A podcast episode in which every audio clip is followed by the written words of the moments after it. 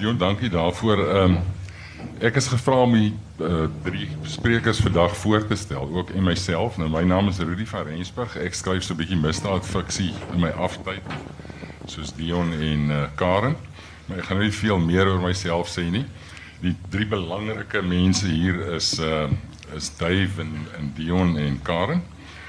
En ek het besluit om af te wyk van die konvensionele manier van mense voorstel want uh almal van julle wat hier sit weet dat ons twee bekroonde skrywers hier het wat een topverkoper aan die ander uitreik en dat uh Dave 'n uh, befaamde antropoloog en 'n ekoloog is en 'n TV en radio persoonlikheid. So ek het uh, met met die uitsondering van Dion het ek met Karen en Dave voor die tyd bietjie gesels. Ag, sommer 'n staaltjie gekry waar hulle self in die verleentheid gestel het, net om die ding interessant en lig te hou. Dion het die nadeel dat ek nie met hom gepraat nie omdat ek gedink het ek het genoeg binnekennis oor hom om 'n staaltjie self te vertel. Nou, hy gaan nou in spanning sit oor hierdie staaltjie totdat ek Dave en uh, Karen se storieetjies klaar vertel het. Nou Dave sê vir my Hy en sy lewe is mateloos saai. Hy sê min mense weet hoe privaat en afgesonder hy werklik lewe. Sy radio en TV optredes is bloot aangeplakte personas. Hy sê hy's 'n randfiguur. Hy lewe in die skadu's en hy loer af. Reuke boei hom en hy besit honderde parfuums waarna hy gereeld snyf om vergelykings te tref. Maar sê hy Hy het 'n obsessie met rooi kop vroue. Hy sê hulle ruik gewoonlik na vars gras. Hy sê en laas jaar stap hy agter 'n fietser rooi kop dame en probeer die ligstroom agter haar toets. Want dit sê dit baie snaakse en vreemde parfuum aangaat. En desperaat haal hy haar in en hy vra, "Would you mind telling me which perfume you are wearing?" Sy swai toe woedend om en sê vir hom this is the lamest fucking pick-up line I've ever heard.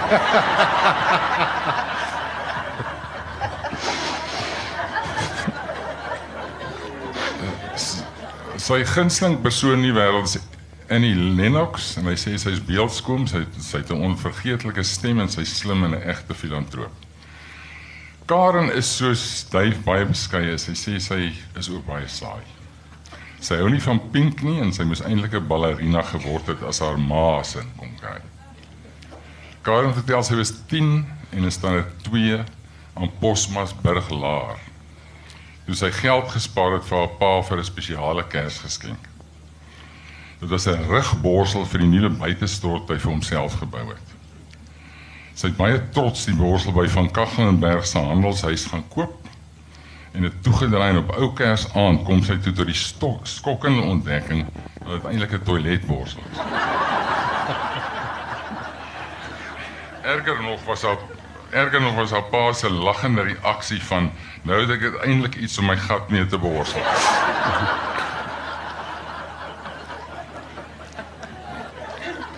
Haar gunsteling persoon is Arnold Schwarzenegger of Chuck Norris. Sy beskou hulle as die mees oor onderskatte akteurs nog.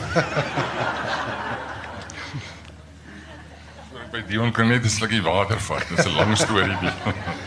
Miskien moet ek iets sterkers drink voor die praat. Omdat ek en Dion 'n baie lank pad saamkom, vra mense altyd vir my wat hoe ou is Dion? En die eerste wat altyd in my kop opkom, is om vir mense te sê dit is die beste pa wat ek in my lewe nog gesien het met sy kinders en dit is werklik so. Ehm uh, ek onthou goed ons het eendag gaan cricket kyk in Bloemfontein vir die hele dag ek en Dion. En tot my afgryse het hy sy 2 maande oue baba dogtertjie Lida wat sy oudste kind is saamgeneem. En ek kon dit nie glo nie. En hy die hele dag lank het daai kind nie gekwyn nie. Want hy het haar bottel gegee, hy het haar binde uitgevryf en daar daar nie geborsvoet nie nee. nee gelukkig nie.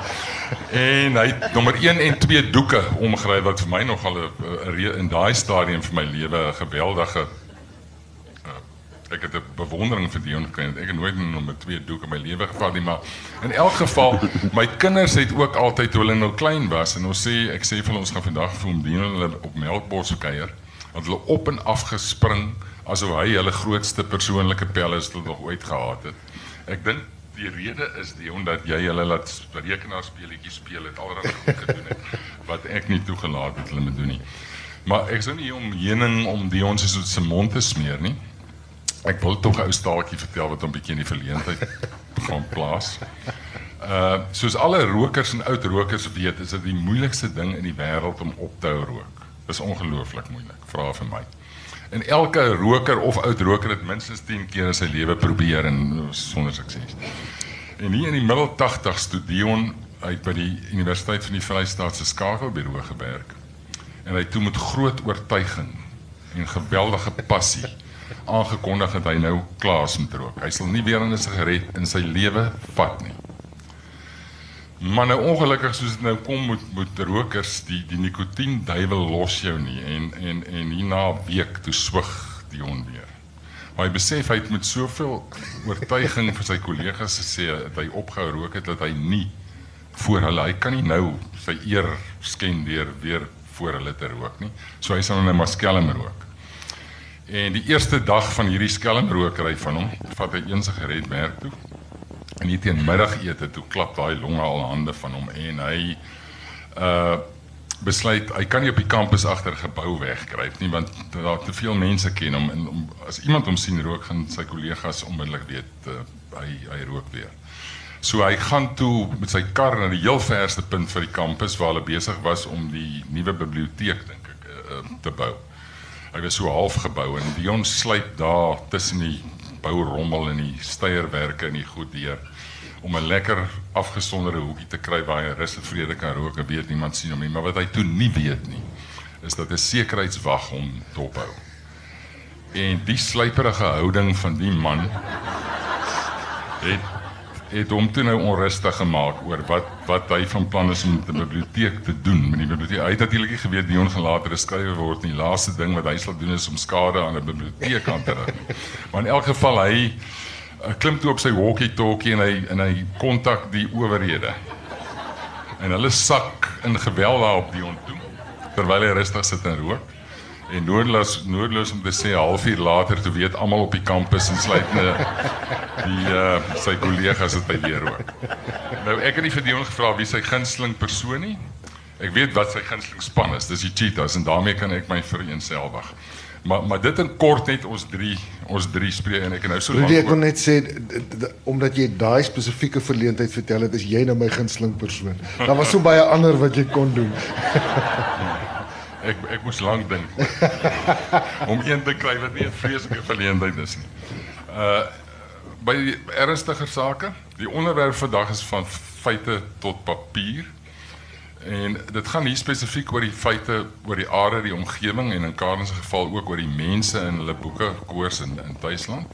En na, na aanleiding van hierdie tema uh, betrek ek dan ook verduif in die gesprek. Nou, ek wil begin by Dion. Dion, uh, jy het nou al baie vertel wat wat die redes is waarom jy van der Kloof gekies het as die kolonie waar jy mense gevestig het. Ek dink Dave het ook vir jou voorgestel destyds dat die Cederberge ook 'n goeie plek is en jy moes seker ander opsies ook oorweeg het. Uh maar maar net kortliks weer, hoekom het van der Kloof die regmerkie gekry? Ja, dis waar ek het ek het met Dave baie lekker lank gesprek gehad en hy het ek het vir hom gesê wat my behoeftes is en hy het gesê maar die Cederberge voel vir hom reg uh want hy het veral gepraat van van baie van die tekstuur wat vir oorlewing beskikbaar is in die Cederberge. Maar daar was een of twee goed wat ek in die boek en dis dis een van die goed wat navorsing lekker en moeilik maak is ek het met Duif gepraat voor ek begin skryf het. Maar soos wat ek geskryf het en al hoe meer beplan het ek besef daar sekere dinge wat die Cederberge nie vir my kan gee nie wat van der Kloof wel kan gee en ek dink die belangrikste ding wat van der Kloof gegee het was 'n enkele pad in en uit om te verdedig sou jy aangeval word in so 'n post-apokaliptiese gemeenskap. Ehm um, en dan die die hidroelektrisiteitsmoontlikhede wat daar was want dit was op die ou end 'n baie groot deel van die storie uh tot redelik laat in die storie nog wat hulle na sekere onderdele van die hidrokrag opwekstasie gesoek het wat wat deel geword het van die intrige. En en dis dis 'n belangrike ding om te sê sommer van meet af aan hier is dat op die ou end wat my betref is die storie baie belangriker as feite. 'n Mens kyk na feite, mens doen navorsing sodat jy jou kreatiewe keuses kan vermenigvuldig, maar 'n feit moet nooit inmeng met 'n goeie storie nie. Daar is daarom iets soos soos digterlike vryheid. Nee, baie dankie Dave. Jy is 'n man wat nou al die wêreld deur kruis het. Waar sou jy 'n kolonie vestig as jy nou so in hierdie situasie is waar 'n koers almal uitgewis het en jy in 'n 'n handjie vol mense moet iewers 'n kolonie vestig. Dave, as jy nou sê van 'n kloof gee ek jou 100 rand. Nee, ja, dis heeltemal te min. ek, ek ek het my eie wegkruipplek en ek Dion ek sou dit nooit vir jou gegee het nie.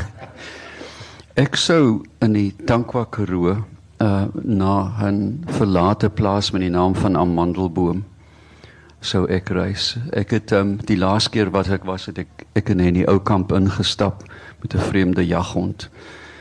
Dit lê soos jou fiksie uh, in 'n doodloopkloof en daar is 'n bakkiespomp, jy net 'n donkie nodig om water uit te haal. Uh so daar's soet, helder water. daar's diep diep grond. Daar is genoeg bobbejane en dassies om jou te waarsku as iemand sou nader kom. En ehm um, en dit het 'n 'n 'n lig en 'n lig uh wat uniek is. En ek dink daar ergens in oorlewing moet daar tog 'n versigtiging wees in skoonheid. Ehm um, en iets wat jou wat jou ook 'n mate van plesier gee. Daar's geen naglig en lig soos die Tankwakaroo nie. Onbesoedeld, ongerep. En in die res van die wêreld sou jy 'n plek vinnig kan identifiseer waar jy ook Wel, ek sou aan die voet van die Gamsberg in Namibië moontlik wou gaan bly want jy het die hemelse sig, jy weet jy sit 'n kilometer bo die naam op. Ehm um, ek sou ek kan vir jou uh, 400 plekke gee waar ek nie wil bly nie. Ehm um, beslis nie. Uh jy weet die voorstad van Londen. Ehm um, maar ek is uh, gebonde aan eie bodem en ek dink ek sou nie rus vind as as so iets moontlik is in in in so 'n scenario as dit nie gekoppel is aan die, aan die grond wat ek liefhet nie. Karen die Kalahari speel 'n groot rol in Duitsland. Dit is 'n besonderse wêreld en 'n wonderlike manier waarop jy dit ingeklee het en jy maak eintlik die omgewing nog 'n karakter in jou boek. Hoe kry jy dit reg om dit so lekker in te weef in jou storie en dat 'n mens absoluut daai daai omgewing ervaar? Ehm um, ja, uh ek dink die Kalahari is die een plek waar 'n mens nie 'n nuwe kolonie gaan vestig nie. Uh hierdie hele besigheid van water uit skilpaddokke uit uh, volstruis eierdoppe drink is ek dink dit gaan werk uh vir vir baie mense nie. Uh die Kalahari is so 'n soort van 'n plek wat uh, die boere van die omgewing uh sê dit is ek moet nou mooi my storie agter mekaar kry. Hulle sê dit is 'n uh, um um 'n kar Nee, dit is 'n man in 'n bees se hemel en dit is 'n kar in 'n vrou se hel. Ehm um, so dit dit daar die Kalahari is nie 'n plek wat jou onaangeraak laat nie. En uh ek het daar naby groot geword. Ek het in die Noord-Kaap groot geword of 'n groot gedeelte van my van my kinderjare in die Noord-Kaap deurgebring.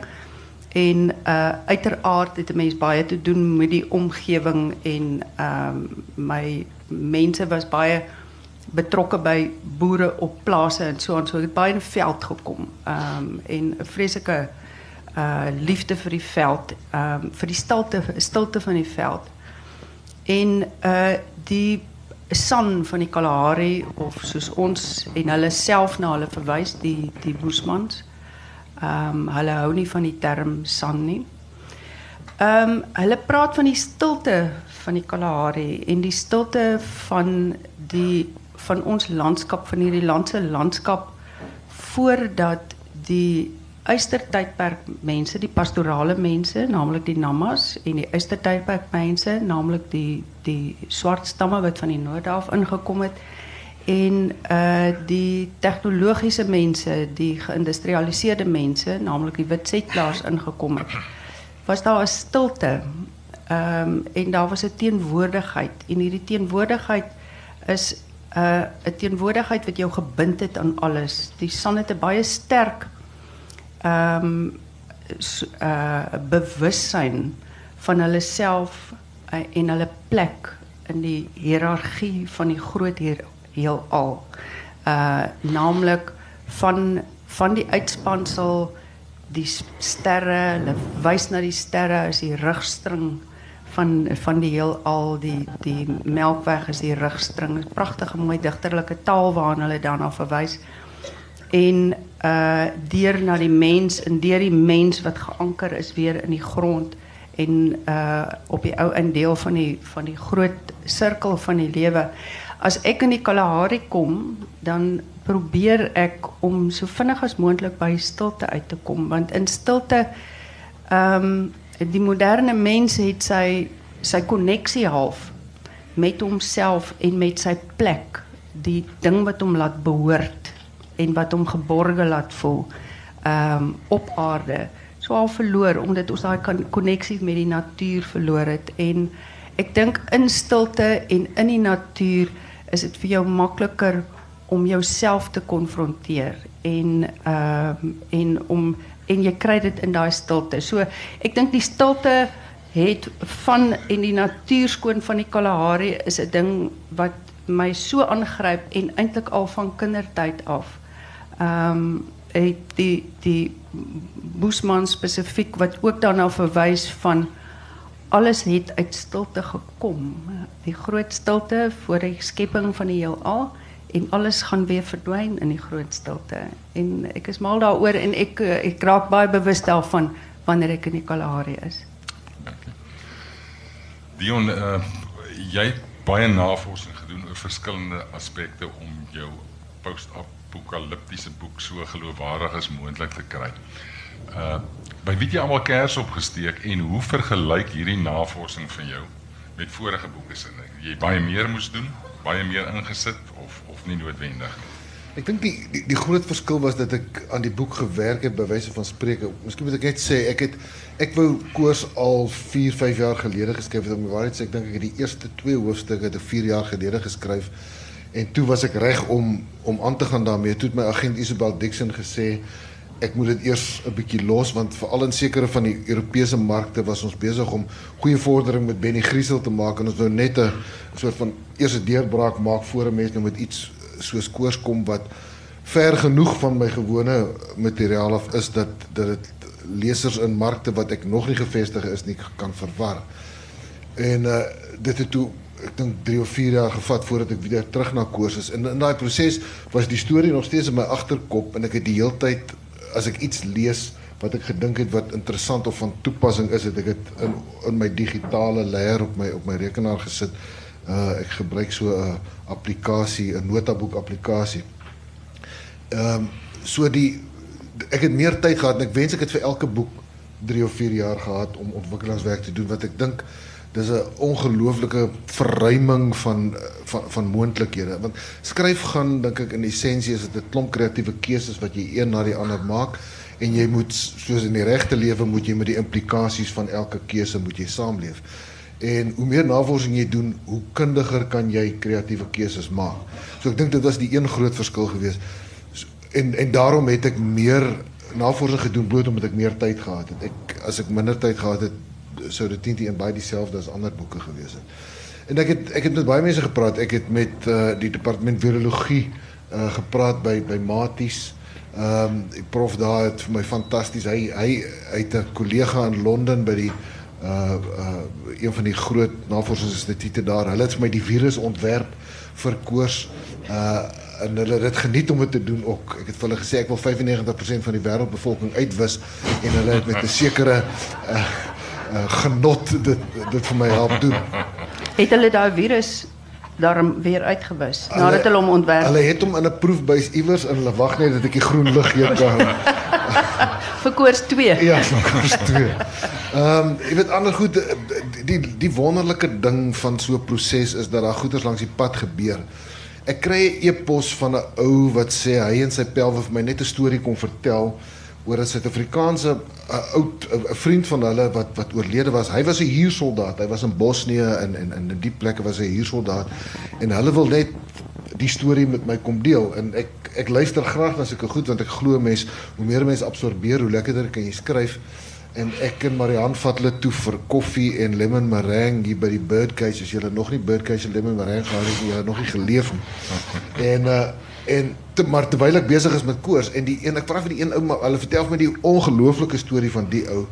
En ek wil nog iewers dit dit inwerk in 'n boek. Eendag en ek vra vir die een ou wat my kom vertel wat wat doen jy? Nee sê hy hy werk met hidro-elektriese kragstasies. Hy ontwerp hulle. En dit was hierdie hy het vir my al die uh, fotomateriaal oor die oranje vistonnel kon gee wat ek kon gebruik. Jy weet so dis absoluut net 'n geluk wat 'n mens raakloop maar 'n mens loop dit net raak as jy uitgaan en jouself blootstel aan stories so dit was a, dit was my 'n ongelooflike lekker skryf en navorsingsproses ek kan dit glo Karen, jy het nou kortliks verwys na die San. Uh en jy het al 'n onderhoud gesê dat die tragedie van die San mense in Afrika het jou aangegryp en 'n mens beleef dit absoluut in tuisland.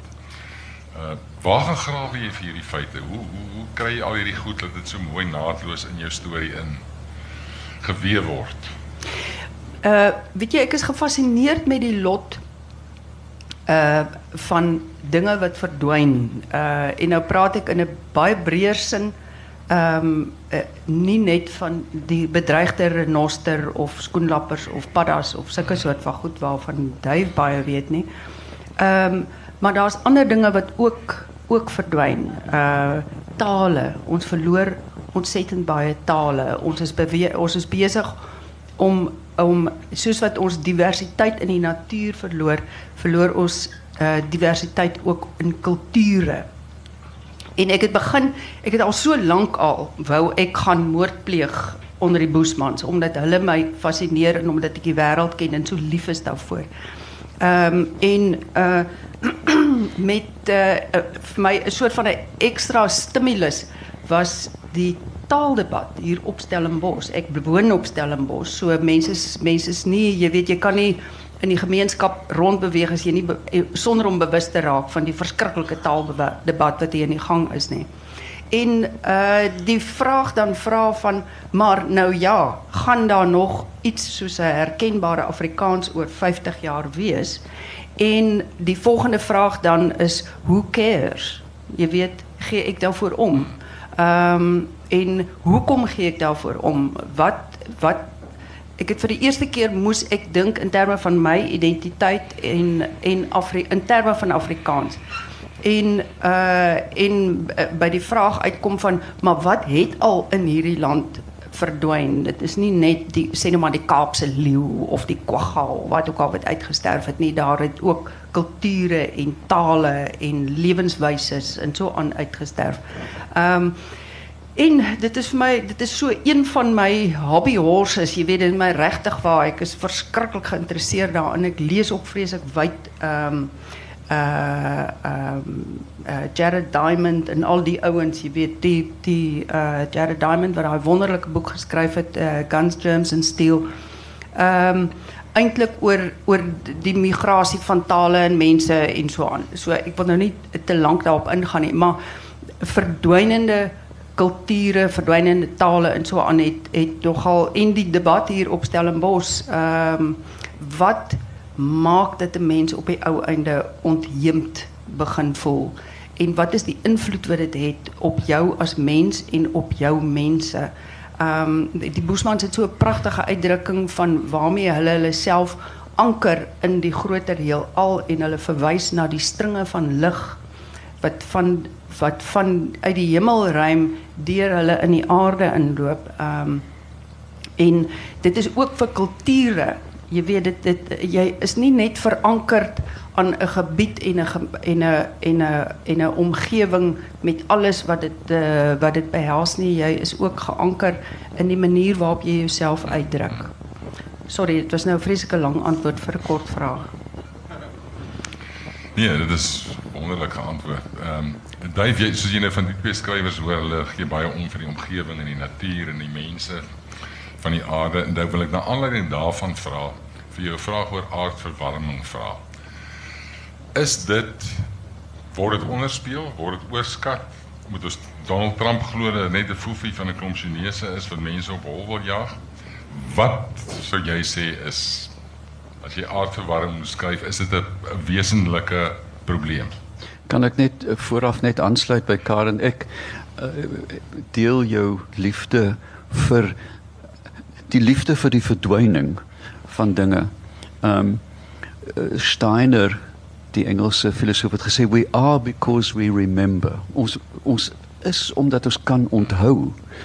En dit neem my terug na die fabelagtige ehm um, Australiese inboorling songlines. Ek weet nie of jy die boek van Bruce Chatwin ken nie. Die goddelike vertelling van van onthou dat jy 'n landskap kan onthou deur die liedjie te onthou dat jy oor 'n kontinent kan stap en 'n liedjie sing en navigeer. En, en dit is hoekom ons vertel nie meer nie. On, ons onthou te min. Ek dink dis een van die probleme. Ons onthou te min. Ons onthou selektief oor Trump en die aarde.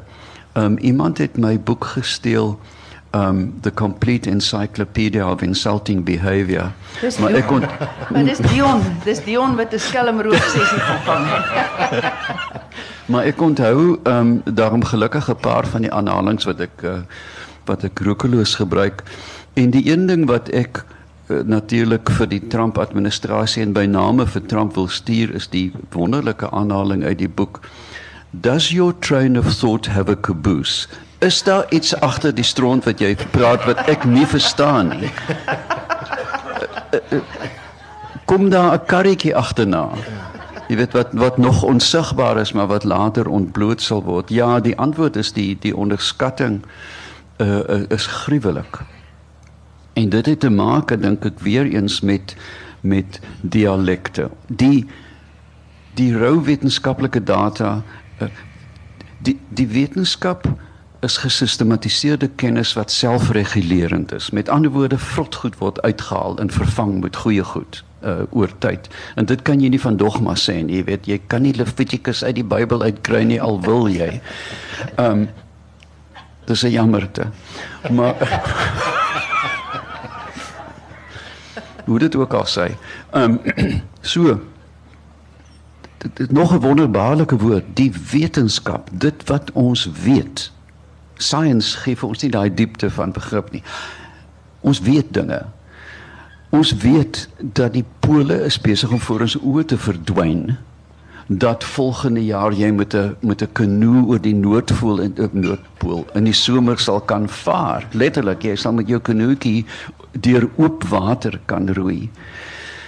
Ehm um, dat dat voels nie meer sing in Skandinawië nie want die wurms kom te laat wat hulle stembande stimuleer en hulle borsies geel maak want dan kyk die wyfies nie na hulle nie. Al hierdie tragiese stories lê duidelik in die wetenskap maar ons weet nie hoe om dit oor te dra aan 'n politieke bestel wat gebonde is aan 5 jaar siklusse nie. Wat Obama goed of sleg gedoen het, is nou eenvoudig uitgegooi by die deur. En elke 5 jaar as as dinge sleg gaan, word die aarde herskep ideologies en en bestuursgewys. En dit kan nie dit is hoekom 'n vrot koningin soos Elizabeth dalk 'n goeie ding is. Jy weet, hulle ten minste die ou ding lewe 90 jaar.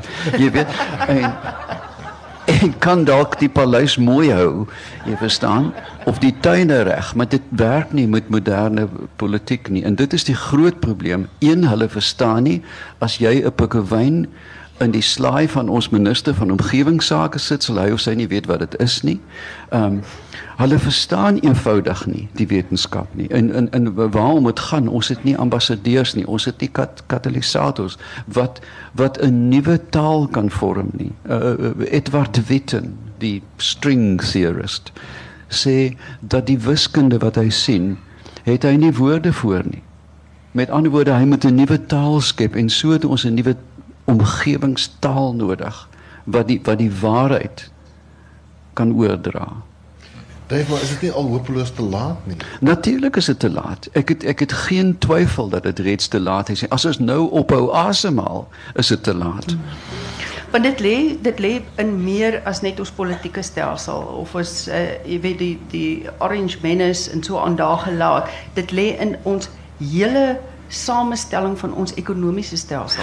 As ons ons ekonomiese stelsel want dit is 'n verbruikerskultuur wat ons geskep het Ja. en die hele internasionale ekonomie hang daarvan af. Ja. As ons gaan wegbeweeg daarvan, is almal môre honger en arm. Einste. Ek, ek net twee vinnige anekdotes. Um in in 1973 toe hy op, op in, in die wit vlam van sy krag het George uh, uh, uh, wie is die uh, Windows man Bill Gates. Bill Gates 'n onderhoud met BBC. Toe sê hy, Mr. Bates, Gates, why are you successful? To say, oh, that's an easy question to answer. I say, I'm successful because the greed of my competitors is finite.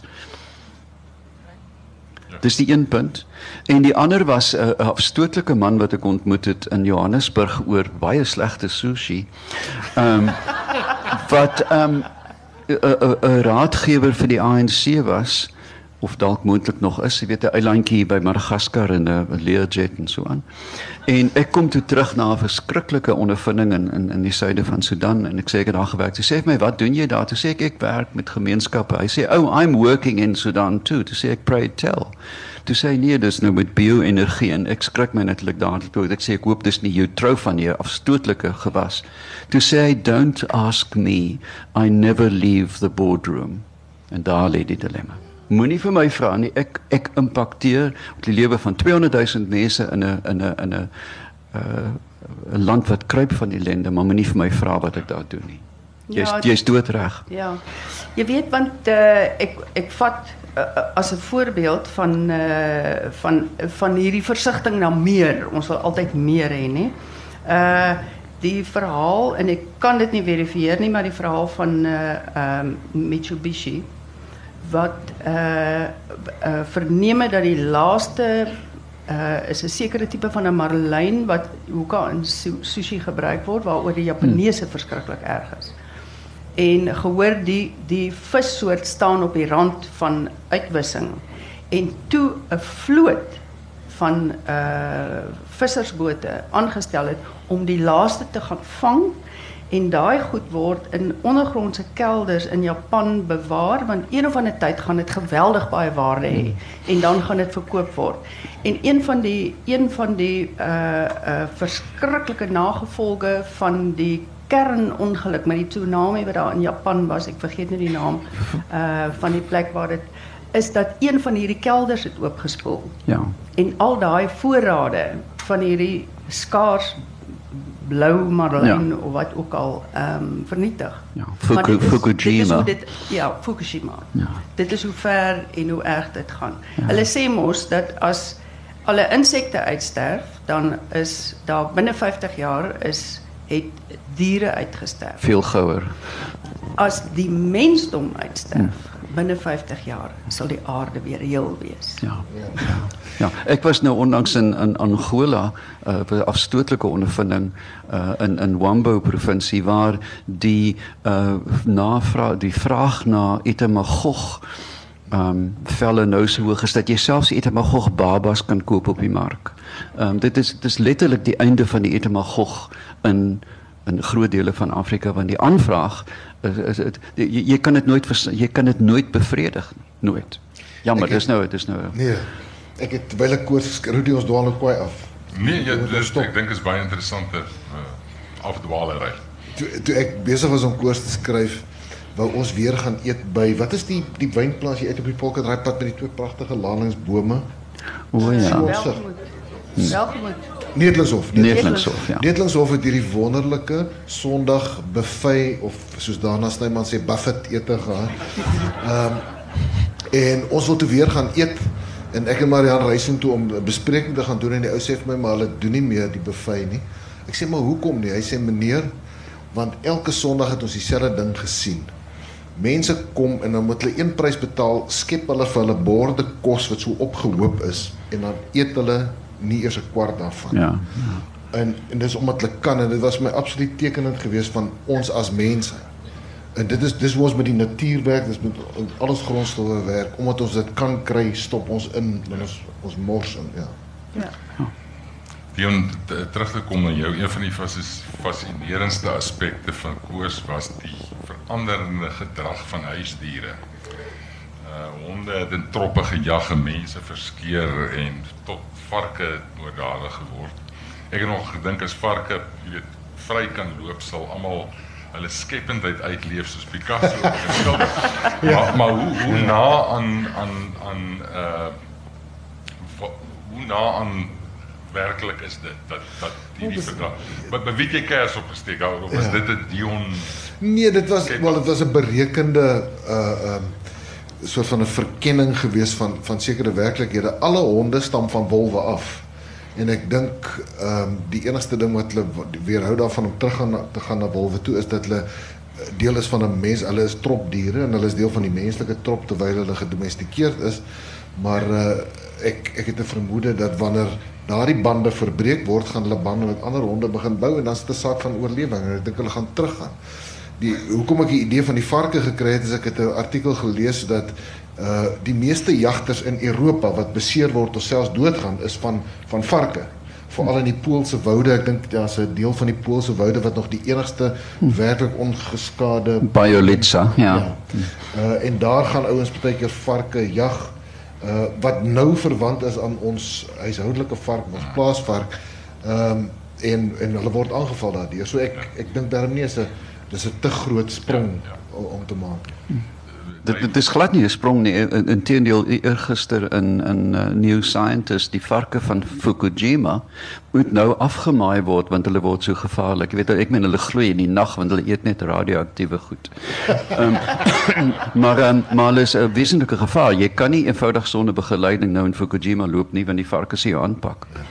Jy's 'n ander daarvan dui van watter ander mak diere sou uh, sou hierdie veranderende gedrag toon? Ek dink varke en honde is die is die groot kandidaate. Ja. Dan natuurlik jy moet nooit 'n kat onderskat nie daai jy weet hulle hulle lê nie net op jou bed nie. Ehm um, as jy kyk wat hulle gedoen het aan die aan die Suid-Atlantiese eilande, jy weet hulle tot op hulle knieë gebring in terme van biodiversiteit en vir niks gestop nie. Ehm um, van die kraai soorte, hulle is ontsaglik intelligent. Ek meen Alfred Hitchcock was dalk in 'n mate reg dat ehm um, jy weet as dit kom by kompetisie vir 'n beperkte ehm um, voorraad kos kan kraaie dalk saam staan. Jy weet hulle is ontsaglik slim en hulle leer by mekaar. Ek dink die primate is te lui. Hulle gaan nooit eers kom nie. Ehm um, jy weet ek ons en die ape is is maar dis dis die varke en die honde dink ek wat gaan regeer. Maar ek dink ook eh, dit jy weet as as die mens skielik heeltemal uh verdwyn of in so groot mate verdwyn as wat hulle in koers verdwyn gaan daar 'n tydperk wees wat honde en varke, jy weet 'n groot opbloei gaan gaan hê en uiteindelik dink ek behoort dinge te stabiliseer. Dit sal 'n ekologiese stelsel. Ja, dit dit is 'n ding wat hulle noem uh, digtheid afhanklikheid. Jy weet jy kan eenvoudig net nie 'n see vol walvisse hê nie. Ja. So eenvoudig. Dit sal normaliseer en dan daarna gaan dit in 'n siklus. Ja. Uh bloei soos met lemmings en knaagdiere en kopluise. Die goed kom en gaan, jy weet. Ek wil nou wegbeweeg van die diere vir 'n oomblik en weer terugkom na Karen se mense toe. Uh en jy het nou gedeeltelik die vraag al so 'n bietjie beantwoord uh met jou uh, in die in die vorige uh, vraag wat ek gevra het. Maar jou fascinasie met met die san, het dit van jongs af ontstaan of het dit Boetuisland regtig nuwe momentum gekry? Jy navorsing doen? Mm, nee, weet jy, dit is 'n dis 'n fascinasie wat ek al baie lank het. Uh en ehm uh, toe ek 'n kind was, het uh, was deel van ons slaaptyd stories, uh afgesien nou van 'n Bybel uh storie. Uh ek kom uit 'n baie godsdienstige huis uit. Uh was ons slaaptyd stories was Janje van 'n pos tipe van stories. Aggerop kind van die duine en so aan. Jy weet, so dit was van kleins af het ek groot geword en natuurlik as jy uh as jy ek was jonk gewees, jong persoon gewees uh toe the gods must be crazy uitgekom het en ehm um, en ek het dit het my vreeslik gehinder die uh feit dat the gods must be crazy hierdie uh, veridealiseerde amper ehm um, uh ehm um, ja, die mense bestaan eintlik nie meer nie. Uh wat in the gods must be crazy uh uitge en maar ons het die, ons hou die mite eintlik nog lewendig. En uh dit was my vreeslike interessante gegewe gewees vir uh vir 'n moord uh om as agtergrond te dien vir 'n moord. En uh, een van die goed wat my nou op die ou einde so half oor die randjie gestoot het van van tog maar die ding aanpak en hierdie moordstorie skrywe is 'n ware moord wat uh gebeur het wat plaasgevind het 'n uh, 'n um, man met die naam van Optel Rooi wat uh deur polisiemanne doodgeskiet is. Uh hy het uh, hy's daarvan aangekla dat hy drank wou steel en hy is deur plaaslike polisiemanne agterna gesit en en doodgeskiet. En uh, dit was kort nadat die sta, die Komani-san die stuk grond gekry het uh, naby aan die Kalahari oorgrenspark. So dit het so half die tipping point was dit vir my gewees om tog maar wel dan my my eie weergawe te skryf daarvan. Karel is daar is daar by die san mense 'n uh, 'n sin van verlies van die kultuur en die taal wat wat byna daarmee heen is. Is daar 'n bewussyn daarvan? Is daar 'n 'n rouproses? Ek dink die rouproses is al is al so lank aan die gang. Kyk daar het al so baie uitgesterf. As dit nie gewees het vir die vir die geskrifte van uh Bleek en Lloyd nie, het ons eintlik baie min oorgehad van die van die ware mites en van die uh vertellings van hoe as ek dit so mag noem, hulle verwys na hulle self so ek probeer altyd politiek korrek wees, wilde boesmans nog gelewe het. Met ander woorde mense wat vry was voordat daar grense en drade en sulke goed gekom het. Ehm um, maar die mense wat vandag rondloop met hulle uh Crocs en hulle ehm um, Xboxes en wat graag in die 21ste eeu wil inbeweeg vir die onthaalwe van hulle voortbestaan. Uh die mense moet baie moeite doen om die ou verhale weer te heronthou um, om soos die tale Tsam wat die taal was van die vlakte Boesmans waar Boesmanland vandag uh dit was hulle territorium gewees. Ehm um, die mense het heeltemal uitgesterf. Ehm um, die 'n klein bietjie van die Komani wat nog bymekaar geskraap kon word, die is nou daar in die Noord-Kaap. En uh vir die res al die tale wat ons gehad het reg rondom Suid-Afrika. Ek bedoel as jy kyk hoeveel Boesman tekeninge is daar dwars deur die land. Jy weet deur tot by die Drakensberge en so en daar was oral dit was san mense wat daar gebly het. Ehm um, as jy kyk hoe diep lê trap die spore, die die klikklanke in al die Afrika tale in hierdie land kom as gevolg van saamwoon met assimilasie met die san. Die san was die vaders van die klikklank in die res van uh, eh, Khoza Zulu en so aan. Ehm um, so uh ja. ek gaan nog ons het nog so 5 minute om te gesels en dan wil ek so 10 minute dan gaan ons so 5 oor 10 klaar kry net 10 minute vir vir uh, vrae ook toelaat. Maar maar daar is blykbaar nie nou onmiddellik hierna weer 'n uh, praatjie nie so as julle my vergewe gaan ek so 5 minute oor die omdat Dion so laat was. 5 minute uh, oor die tyd gaan. Straf my Rudy. Uh Dion jy nou nou net vlugtig raak verwys, maar hoeveel feite kom ons noem dit ons ons ons sê nie manipuleer jy nie, plooi jy om by jou storie in te pas. Weet jy by ou end dink ek nie baie nie. Ek en ek moet dadelik sê ek hou by die feite nie omdat dit vir my uh, 'n saak van eer is nie, maar omdat dit vir my lekker is.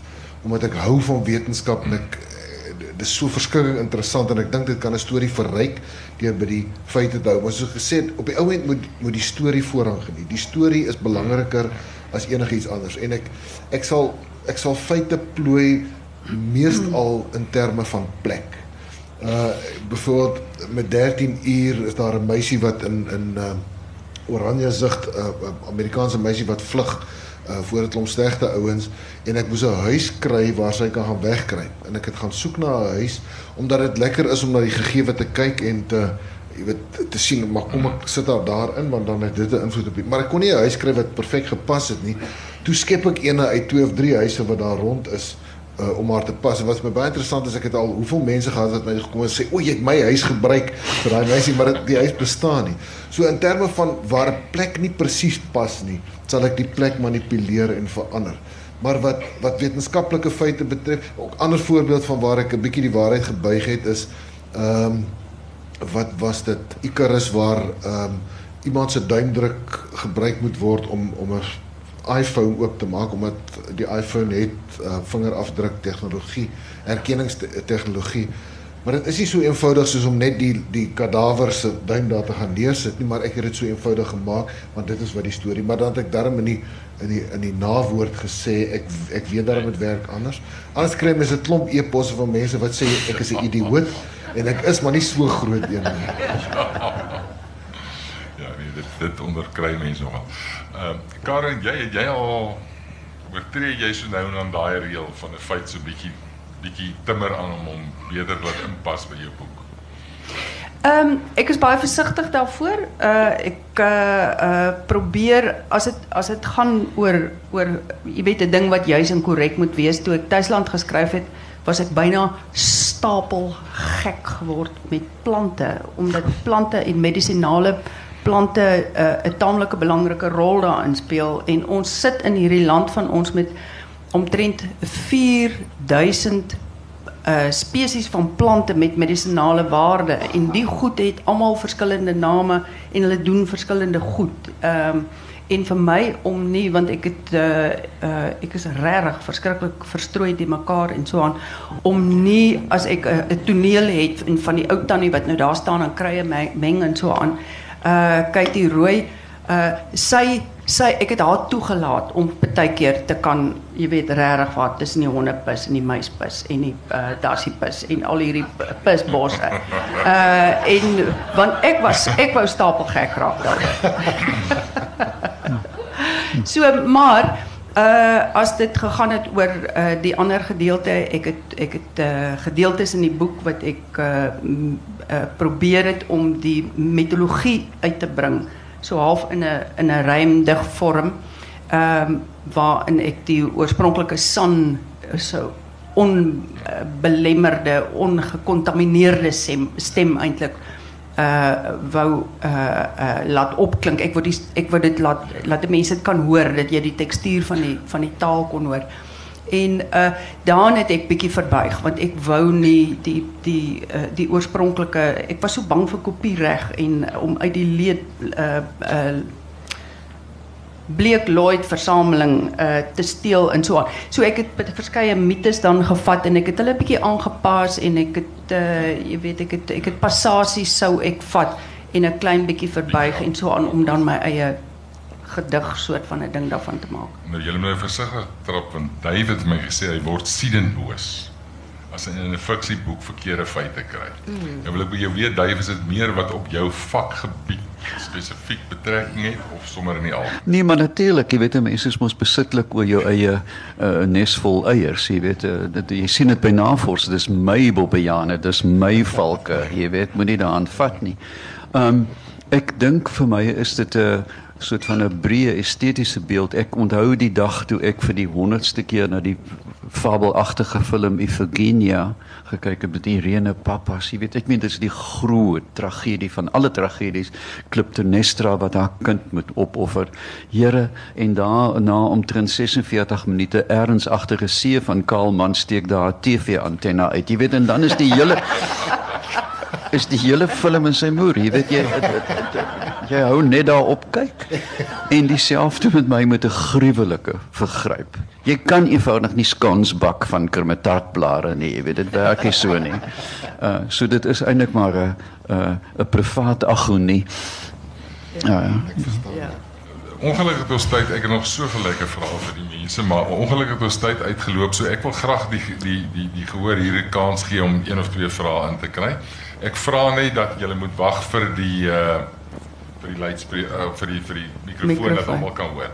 En daar so het ons sommer. Môre ek het spesiaal my lewe in gevaar gestel om van Kaapstad te ry en tyd hier te wees.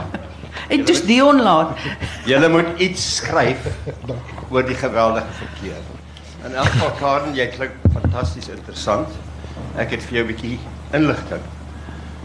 'n Groot oupa van my was 'n sendeling in Bechuanaland by Madipolole. Weet jy van daai plek? En my niggie wat nog leef, Coral Fourie. Oh ja. Maar sy was Coral Knobel. Skilder elke dag. Skilderye wat gebaseer is op die san se tekeninge. Nie nie hoe hulle dit gedoen het nie, maar met die patrone jy kan gerus gaan kyk Coral Fourie Art Studio. My oom, my Ek ken pa haar se- werk. Jy ken. My pa se broer het medies gaan studeer en hy kry TB want hy moes in die laboratorium werk. en hy gaan toe ook soontoe om bietjie reg te kom. En daar het hy weer fotografie begin doen en fotos geneem. Dis die een ding. Dan die tweede ding waaroor ek eintlik hier is, ek het gelees dat jy gaan praat hoe om fiksie, hoekom feite na fiksie oor te sit. Dion, ek was vir 40 jaar in regsgeneeskunde. Ek borrel oor van inligting wat wonderlike stories maak, maar ek sien nie kans om elke geval wetenskaplik op te skryf om 10 oor 5 daai daai. Ek wil dit net 'n breë storie maak. En ek wil by julle 'n bietjie raad vra, miskien na die tyd kan jy my praat. Ek weet dat jy destyds na professor Olivier was om so 'n bietjie te leer van rigor mortis en algor mortis en al daai goed. So ek gaan bietjie na die tyd bly as ek mag. Baie dankie. Ons gaan nog vir iemand 'n kans gee om goue vrae te vra. Uh as jy daar, die dametjie daar nie en dan gaan ek vir jou nog kans gee. So Dion, die die vraag is aan jou. Ehm ons het vreeslike debatte gehad. My hele vriendekring is aan die lees en ons was verskriklik opgewonde oor koors. Dit was immers die eerste ehm um, Dors se ehm se boek. En ehm die grootste debat en onsekerheid en meningsverskille het te doen gehad met die slot van koors. En ehm ons ek weet nou nog nie wat om te glo nie. Ek het 'n sterk eie opinie gehad waarvan ek hou.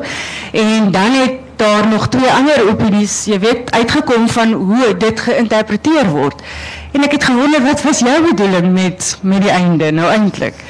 Eh, Ons moet baie versigtig wees want ek dink hier is dalk mense wat nog nie koers gelees het nie. So mense moet nou niks weggee nie. Al wat ek vir jou kan sê is dat my bedoeling was om die leser te laat dink. Dit is wa- al wat 'n mens kan hoop op is dat as, as 'n leser jou boek neergesit het dat hy sal aanhou met dink en wonder. En as ek dit reg gekry het, dan voel ek die boek was suksesvol.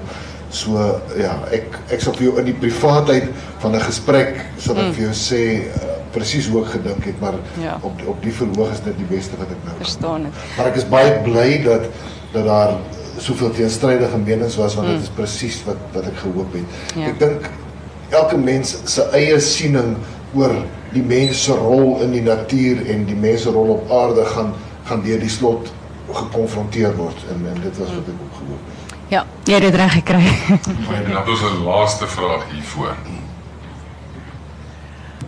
Ehm ek wil net gou sê dat iets ek is in die veld van wetenskap kommunikasie en iets wat ons weet nou is dit baie meer effektief om vir mense stories te vertel met die feite daarin as om vir mense 'n feiteblad te gee met net 'n klomp feite. Dis baie meer mense onthou dit beter, hulle vers- eensaamig daarmee.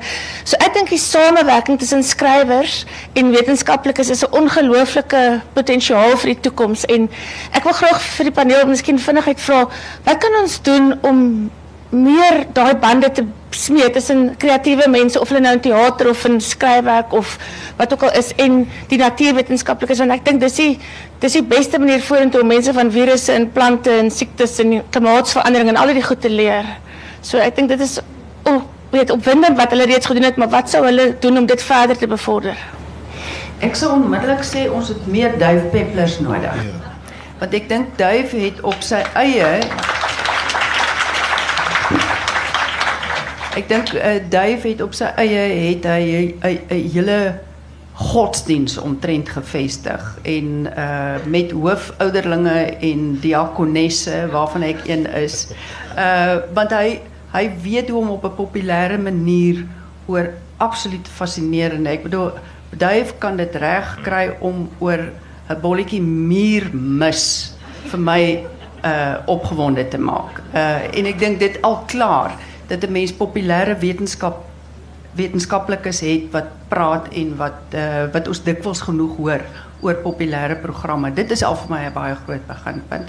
En dan verder briljante skrywers soos meneer Meyer hier langs aan. Dit is regtig waar dit maak dit dit sit jou nie net aan die wonder nie. Uh dit maak jou ook honger vir meer, dink ek.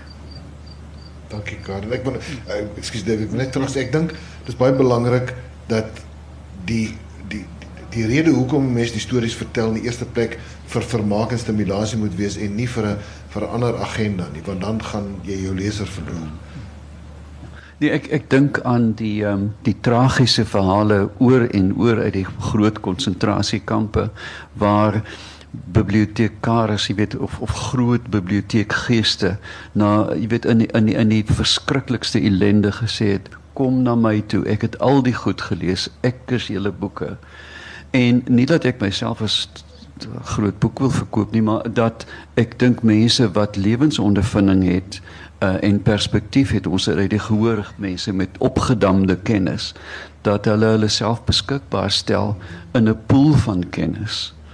Ehm um, en jy weet die Japaneese doen dit. Hulle verklaar mense tot lewende monumente. Ek wil dit om Vader se naam nie weet die wag. ek is klaar oud genoeg om sonder lewende monument, maar uh, ek ek sou dink dat dat daar moet in 'n kultuur en 'n taal, veral ons het vroeër oor taal gepraat, juis hierdie hierdie ehm um, kerne van kennis beskikbaar gestel word en sê hier is hier is die kerne uh, gebruik hulle. Want dit dit gaan beteken dat wat Steiner gesê het we are because we remember. Ja, absoluut. Ja, ek kom terug daarna toe. ons kom terug oor en oor dat ons aanhou onthou. Ja. en so word kennis oorgedra. Verlede jaar het ons hier gesit en gehuil oor Henny Oukamp. Toe sê ek julle moet ophou huil. Die feit dat ons huil is hy's nie vergete nie. Jy weet ons hou aan praat en ons moet aanhou onthou. Ek kan dalk net by Karen aansluit deur te sê op donderdae luister ek RSG van Duif praat. En dit is vir my so interessant daai kostetjie dat dit vir niks in die wêreld uh, verloor nie. So jy het hier ook 'n fan Duif.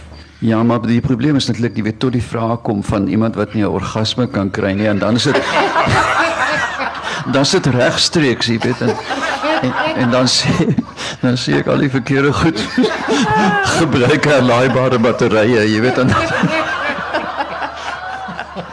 Begin dan oor bedreigde voëlsoorte.